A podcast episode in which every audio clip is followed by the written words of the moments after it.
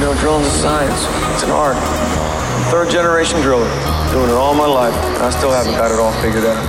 seven, eight, nine, ten. Electric. Hej Stefan! Hej! Alltså det är så härligt att kliva in i studion igen. Ja, Är du peppad på dagens avsnitt? självklart. Hur nytänkande är du på en skala? Skala 1 till 10, en sjua kanske?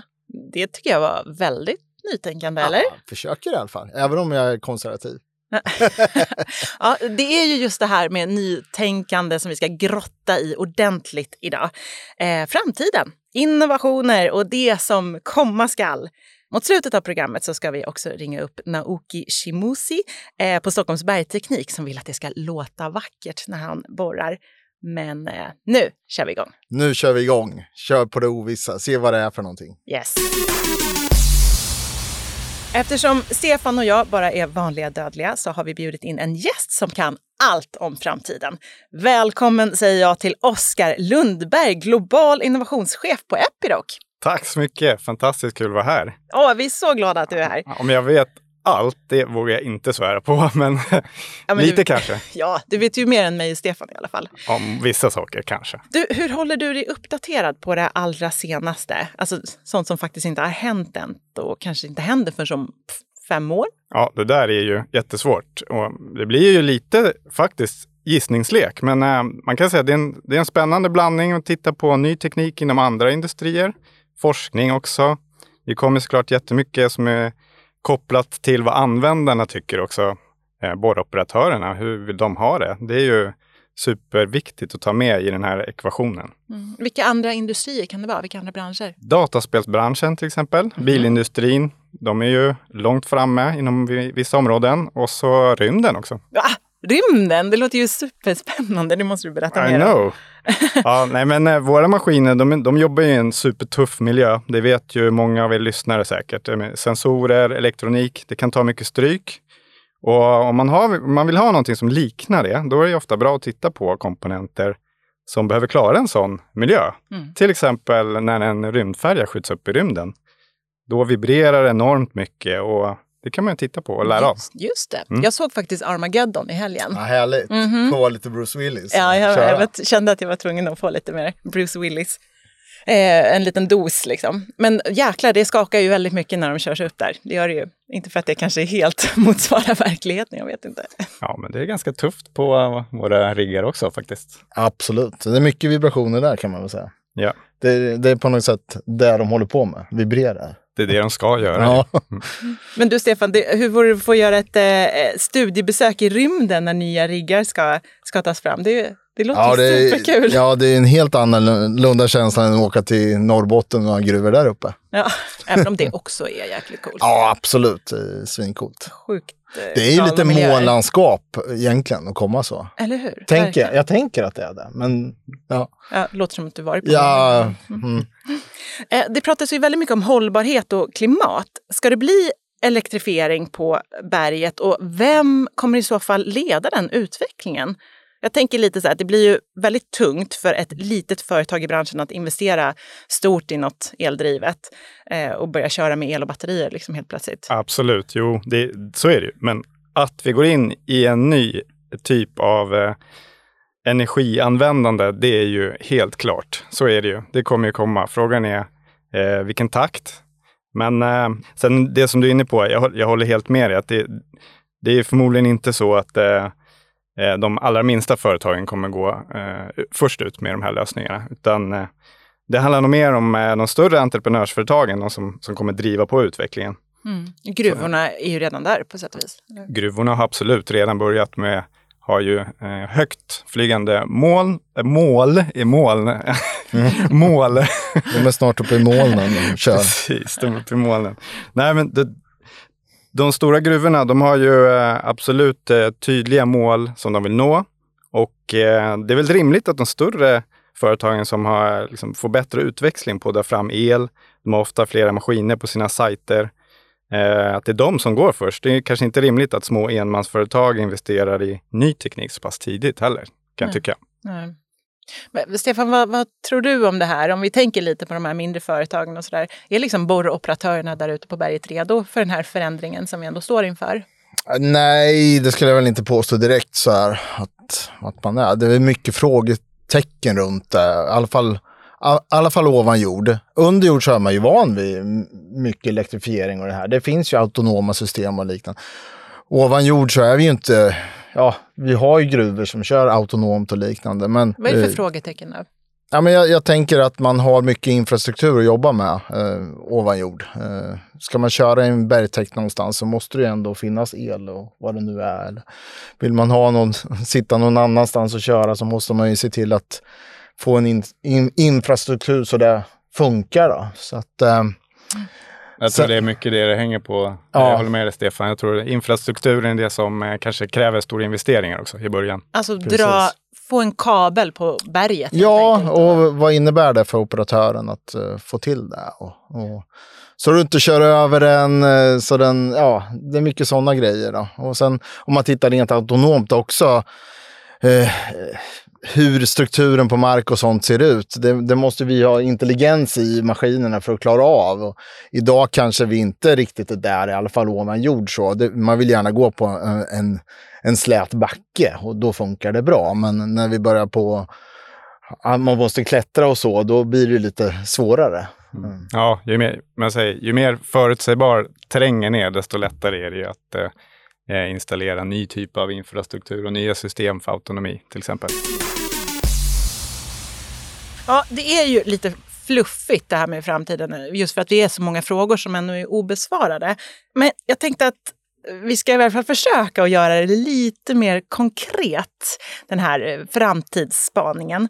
Oskar, kan inte du lista de sju mest spännande lösningarna vi kan komma att se för våra operatörer i framtiden, både på kort sikt och kanske lite längre sikt också? Jag kan försöka, absolut. Ett börjar vi med då. Hej Siri! Hur ska maskinen prata med operatören i framtiden? Och hur ska operatören prata med maskinen i framtiden?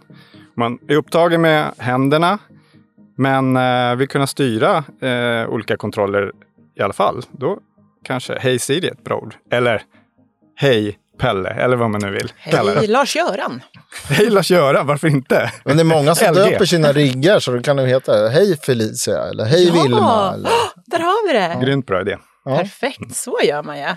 Ja, och det här känns ju egentligen väldigt naturligt. Jag menar, vi har ju en sån här eh, uppkopplad grej som man pratar med hemma. Så det, är ju, alltså det här är ju något vi redan är vana vid. Vi pratar ju just med Siri stup i kvarten, många av Precis. oss.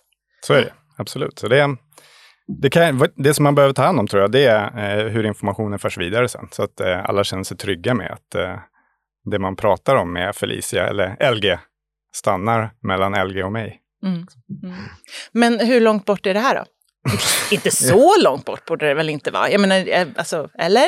Nej, men jag tror att det här, det här handlar nog mycket om eh, vad man som borroperatör är eh, intresserad av också. Man kan påverka eh, hur snabbt teknikutvecklingen går inom vissa områden genom att visa sitt intresse. Så om man tycker att det här låter som en toppenidé så ska man säga det till Ja. sin kontakt. Peppig. tänker jag. All right. Okej, nästa då. Två, autonoma sensorer förbättrar säkerheten. Vi har varit inne lite på det här med autonomi och inom gruvindustrin så går det ju väldigt snabbt framåt. Vi jobbar mycket med autonoma sensorer för autonomi, som håller koll på omgivningen, ger varningar och ser till liksom att man är säker på sin arbetsplats. Det kan handla om att eh, kanske lutar för mycket, riggen lutar för mycket eller man är för nära pallkanten. Eh, om det rör sig folk på byggarbetsplatser så kan maskinen själv känna av om något är för nära och, och stänga ner. Men det här vet jag att ni redan jobbar jättemycket med i gruvorna, eller hur? Det här kan, ja absolut, det gör vi. Men det, och det, det kan det komma ganska snart. Men eh, det handlar också om att få till en bra miljö för det. Så om det är en förutsägbar miljö som inte är ja, inte för svår terräng så är det ju kanske lättare att få till en sån här typ av autonomi också. Okej, ska vi gå vidare? Yes, du kör vidare.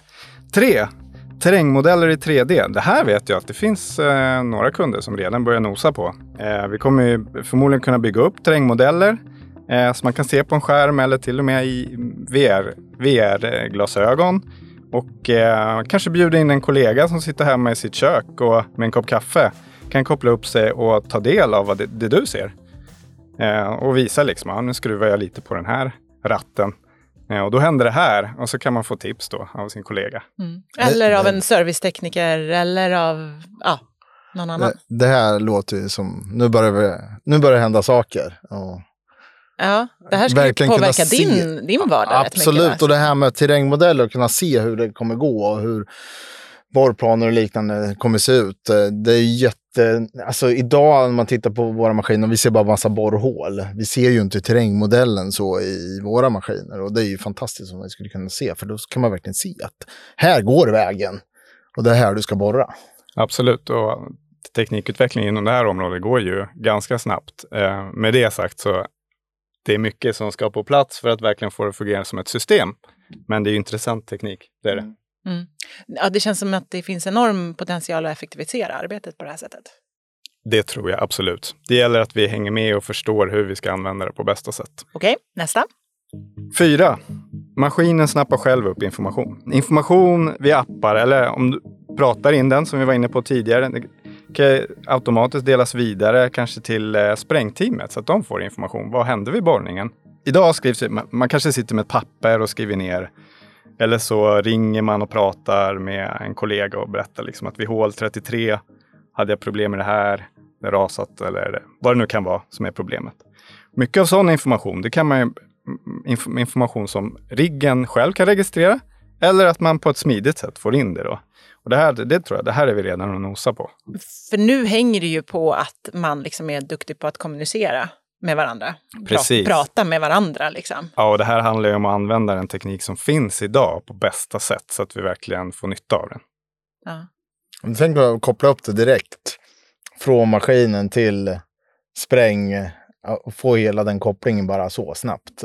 Det, det borde vara precis när du står och laddar hålen där så vet du redan information om allting. Så. Jag tror att det här faktiskt är eh, Mm. en dröm för många, att kunna jobba på det sättet. Alltså, många sprängare som blir jätteglada Mm. och bara få all information på en gång sådär. Right? Fem. Uppkopplade maskiner ber själva om service. Man har sensorer som känner av att nu är det dags att göra service eller byta filter. Borrmaskinen behöver nya, behöver nya kronor till, eh, till maskinen. Istället för att du själv ska behöva ringa teknikern och fråga eller service att de ska komma ut så, så kan informationen laddas upp i molnet och skickas direkt till en tekniker som ringer och berättar. Nu, nu har jag reservdelar på väg till dig. Vad tycker du om det, Stefan? Ja, det låter helt fantastiskt. Eh, Tänk, tänk vad om vi som leverantörer kan vara på bollen innan operatören eller kunden vet om att, att det det är ett fel på gång eller kommer att hända inom en snar framtid. Men jag blir ju nästan lite så här, om man som entreprenör, jag skulle ju nästan bli lite misstänksam om, om min leverantör ringer och bara, "Eh, du, du kommer behöva byta den här delen snart. Det du vill det? man ju ha koll på Nej, jag själv. tror- eller? ja, jag tror- Man får släppa lite på kontrollbehovet. Ja, det tror jag man får göra då. Jag tror man vänjer sig. Så länge man ser liksom att det här, är- det här tillför ju någonting för Ja. mig. Liksom. Då kan man ju använda den här tiden till någonting Det, annat det, är ju, det är nytta alltså. Det är en nytta att kunna Helt göra klart. det. Det Så länge det lönar sig och hjälper så Ja, blir det bra. precis. Mm. Vi går vidare då. 6. Digital tvilling för underhåll. Om man tar det här ett steg längre. Så att tekniken kan se samma sak som du kan se genom en digital tvilling av maskinen. Så kan man i, liksom, i den virtuella världen så kan man titta in och röra på saker, jobba med underhåll på plats istället för att åka ut. Så teknikmässigt finns ju en hel del av de här lösningarna, men det, jag tror att det kan ta tid innan branschen är redo för att implementera det här fullt ut. Mm. Men det här med digitala tvillingar har jag hört, talat om, hört talas om tidigare, fast lite i andra branscher. Så. Men det, det finns väl redan och grejer man, något man jobbar med? Absolut, jag tror att digital tvilling är liksom någonting som eh, det kan betyda väldigt mycket olika saker. Men om man tittar på till exempel för underhåll så tror jag att det, det skulle kunna tillföra väldigt mycket. Du kan ju spara tid, pengar, spara resor också. Alla vill ju, att man, alla vill ju ha en duktig tekniker, men det finns ju inte hur många som helst av de eh, allra duktigaste teknikerna. Så om deras tid kan användas mer effektivt genom att man inte behöver åka ut och vara på plats så kan man nog få hjälp mycket snabbare än vad man har fått Mm. tidigare. Ja, för, för idag är det ju i princip så att någon ringer in, vi vet inte exakt vad det är fel, vi kan ju kanske tro någonting, misstänka någonting. Vi åker ut i en rigg, det kan ju vara 30 mil bort. Undersöker, felsöker, inser att det var inte den där delen vi hade med oss, det var något annat som var fel, måste åka tillbaka. Alltså det är rätt mycket jobb här som man gör, som man i så fall skulle bara kunna eh, Ja, man har rätt del när man kommer ut redan. Man byter den delen som ska bytas. Ja, men precis. Men kommer, vi kommer ju inte kunna ta fram virtuella muttrar. Liksom. Nej. Vi kommer ju fortfarande behöva åka ut och träffa varandra, men det gäller att göra de träffarna och de besöken så värdefulla som möjligt. Nu kom Så- jag på en grej. mm. Nu kom jag på en grej här. För då skulle de i den virtuella muttern, den kan de ju printa ut då. Om de har det i maskinen. Oh, 3D-printer. En så att säga. 3D-printer på maskinen. Tack Ja. för den. Ja, det, Ja. det tar vi med oss. Nu, Bra. Nu- Oskar, nu har du en, nu har du en grej här. Innovations-Stefan har värmt upp här. Uppe på en åtta nu på din skala. Jajamän, Ja. direkt. Sju då. Drönare och kamera skapar borrplan. Här tror jag vi kanske inte är jättelångt ifrån faktiskt. Man har drönare och en kamera och skapar en typ av digital modell av terrängen och skapar en digital borrplan, vilket ju vi redan har i våra maskiner. Ehm, maskinen vet redan var man ska borra hålen, om det är någonting man behöver ta hänsyn till i terrängen. Det finns jättefina lösningar som mm, kanske i framtiden i alla fall inte behöver vara jättedyra så att eh, många kan använda de här. Då. Eh, det kan byggas vidare till en 3D-modell som vi pratade om tidigare för det, hela sajten egentligen. Det var de sju. Ja, inte dåligt. Mm. Superspännande lista. Tack för den.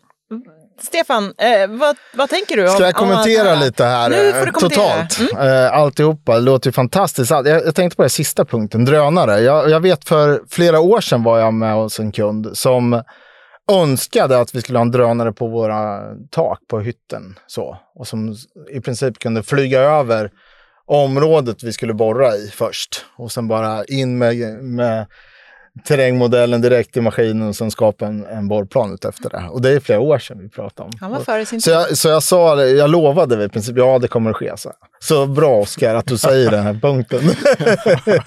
men, men jag tänker också rent autonomt att kunna förutsäga hur berget ser ut om man nu vill åka här. Att vi hittar en perfekt väg. Eh, ja, men för att ta dig dit, då ska du åka här. Ja, jag tror du är inne på någonting jätteviktigt faktiskt. Just för att skapa en mer eh, autonom, au- mer autonoma system så behöver man ju ha information om hur miljön ser ut. Ja, Så ja men det. så är det ju. Ja, och, ja, men det låter helt grymt. Mm. Det låter som att det är en mycket mer effektiv eh, vardag som, eh, i framtiden än vad det är nu. Så är det. Och jag tror att det, det är dit vi vill. Man vill kunna använda sin tid så bra som möjligt. Mm. Mm. Sin människotid så får maskinerna sköta merparten, kanske. Eller? Ja, jag vet inte om merparten, men de kan sköta sånt som vi kanske inte tycker är roligast. Nej. Det är så jag ser på det. Eller är bäst på heller, faktiskt. Nej, så kan det Nej. ju vara. Jag menar, vi, vi gör ju fel. Jag gör det i alla fall. Jag vet inte hur ni, om ni gör det. Jag gör ibland. aldrig Nej. fel. Någonsin. Nej, okej, inte Aldrig. du. Nej, men Nej. jag brukar göra fel i alla fall. Och då, och då kan det ju vara skönt att någon annan tar över det jobbet och så kan jag göra sånt som jag är bättre. Fan vad ödmjuk du är. En Mm. annan sak som det pratas om det är ju att eh, styra riggarna från kontrollrum. Eh, och det görs ju redan i gruvorna sedan sen lång tid tillbaka. Eh, men kan inte det här bli någonting för ovan jord också? Ja, alltså det skulle det säkert kunna vara. Absolut. Eh, och det, vi gör ju det redan idag i gruvorna, så ovan jord. Så, så gör man det med, med ja, line of sight som man säger. Alltså man har riggarna åkandes för sig själv, men man sitter ju och tittar på dem då en Ja. bit bort. Precis, kanske 200 meter bort. Ja, exakt. Ja. Men här kanske man drar det ett steg längre. Här sitter man ju och, och sitter på något kontor någonstans och, och kör maskiner. Och, och det kommer krävas en hel del runt omkring det för att kunna klara det. Det helt klart. Men kommer man så långt som man har drönat först, vet exakt hur man ska åka, då skulle man i princip kunna ladda in det i, i en programvara och sen skulle maskinen kunna göra det. Alltså den, den teknologin har vi ju idag, så det skulle ju gå att kunna göra det. Men ja, Det är det där med att få koll på terrängen ordentligt. Ja, det, jag ser att det, det är en bit fram för att komma dit. Jag, jag tror det också. Alltså, många av våra kunder de förstår ju att eh, man tar många beslut varje dag när man sitter i riggen eller om man står utanför riggen som eh,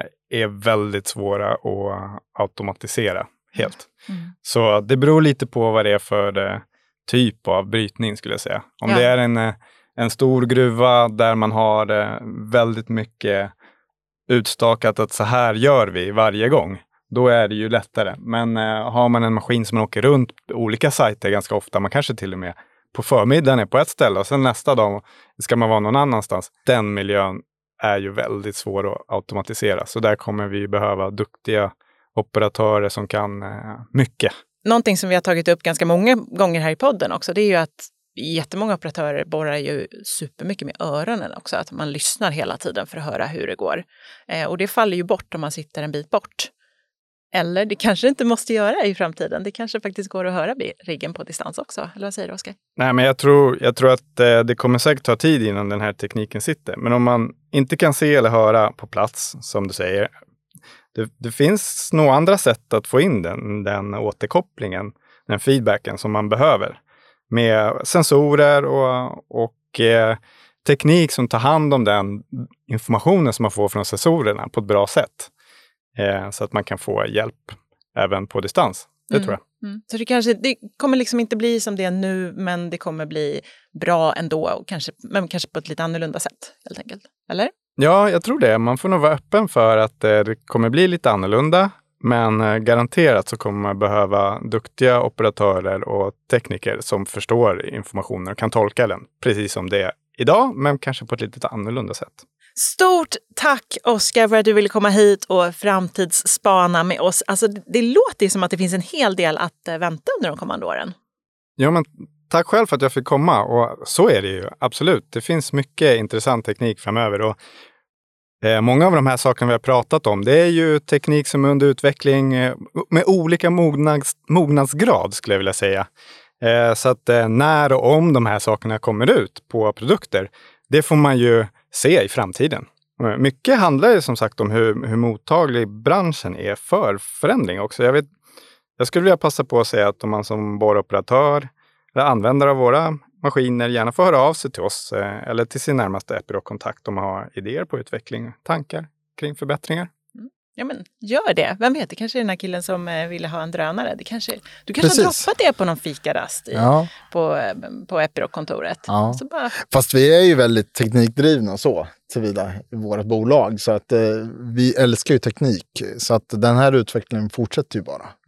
Så enkelt är det. Ja. Men sen är det också att vi, vi kan ju missa en operatörs egenskap som, som vi måste ha in. Så, som säger, en, en hörsel, en hörsnäcka någonstans. Eh, hur, hur löser vi det? Mm. Så är det. Det är ett samarbete mellan användarna och, och vi som tar fram mm. produkten. Precis, ni behöver ju deras point of view. Liksom. Ja, men så är det. Annars så finns det ingen anledning. Vi kan inte göra maskiner för oss själva, som jag brukar säga. Vi Nej. gör dem för, för några andra. Det gör vi. Då har det blivit dags för nästa punkt i programmet. Slutord från berget. Vår reporter Anna Maria Stavreberg har ringt upp Naoki Shimusi som jobbar som borrare och sprängare på Stockholms bergteknik. Han älskar sin mastodontrigg som heter Mjölner och tar sig fram överallt på berget.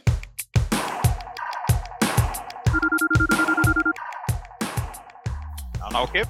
Hallå där Naoki, det är Anna-Maria. Hejsan hejsan. Hur är det med dig idag? Det är bra tack. V var är du någonstans nu då? Just nu är jag i Nacka, mitt på Nacka Forum där. Jag håller på och borrar och spränger för nya tunnelbanan. Aha, okej. Okay. Eller rättare sagt, vi, eh, det vi håller på med det är för biljetthallarna. Då. Men du Naoki, vad är det för rigg som du kör? Jag kör en eh, vagn som heter Flexirock T35R som står för radio. Varför har du valt just en, eh, en T35? Det är väl inte riktigt att man har valt det, men eh, jag körde i de som var föregångare. Som de hette D7, D5 då. När jag jobbade på min förra firma. Man, man vänjer sig just med storleken, hur man ska klättra på berget med han, själva balansen på riggen och så. Då. Det är lite svårt att gå ifrån det när man har vant sig en gång. Om man säger så. Och, och, och, nu hör jag att du säger han när du talar om din rigg. Heter den någonting? Ja. ja, det var inte jag själv som döpte det då, men det var mina chefer som har döpt den till Mjölner. Varför då? Det är ju skitbra. Ja, nej, jag vet inte faktiskt. Eh, Han tycker väl om vikingar, ena chefen. Gör, gör du det då? Jag är inte så jätteinsatt i det. Men du, du, får gilla, du får bara gilla läget. Om det är chefen som har döpt riggen så är det bara att gilla läget. Ja, det är bara att gilla läget och köra på helt enkelt. Men den är ju, om man jämför med många andra riggar så är den ju ganska tung har jag förstått. Är det så att den kräver en viss, alltså en viss erfarenhet? Ja, alltså det blir ju lite annat.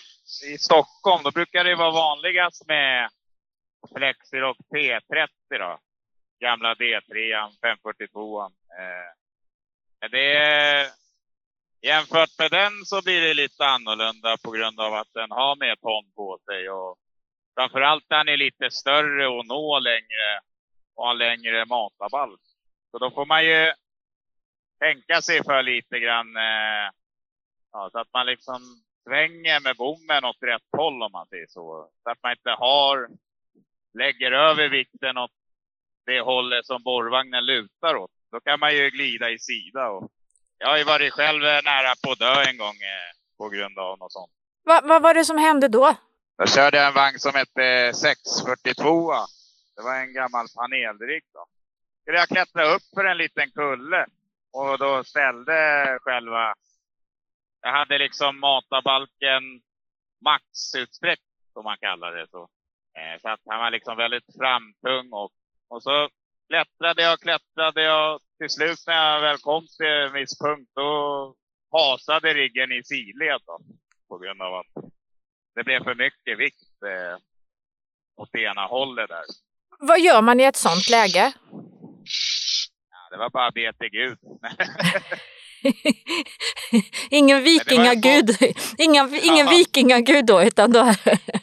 Men de, de eh, riggarna, de, de stod man uppe på och körde. De, ga- P30 och D3 har ju kvar det där. Det, det finns ett litet fotstege på. Ja, Där stod man förut på och körde de här borrvagnarna. De så gamla panelriggarna. Det var inte liksom radiostyrt på den riggen. Så då stod jag ju på det fotsteget när, när det här skedde då. hur, hur länge sedan är det här? Det var nästan eh, 11 år sedan. Jag var ju ganska grön på den tiden. Men det avskräckte dig inte ändå alltså? Eh, jo, det var väl... Eh, man fick ju sig en liten tankeställare efter det. Och, men man eh, lärde sig ju mycket efter det också. Tack så hemskt mycket för att du tog dig tid. Ja, tack detsamma. Sköt om dig. Tack. Ja, Mjölner, det är ju ett jäkla rejält namn på en rigg ändå, eller hur? Ja, verkligen. Det, det, man hör ju vad, vad som händer med, med en sån maskin. Ja, vad Ja. den går för. Ja, exakt. Ja. Du, vad skulle du döpa din rigg till om du hade Åh, jättesvårt. Men ja, får det bli så här Gullan eller något? en?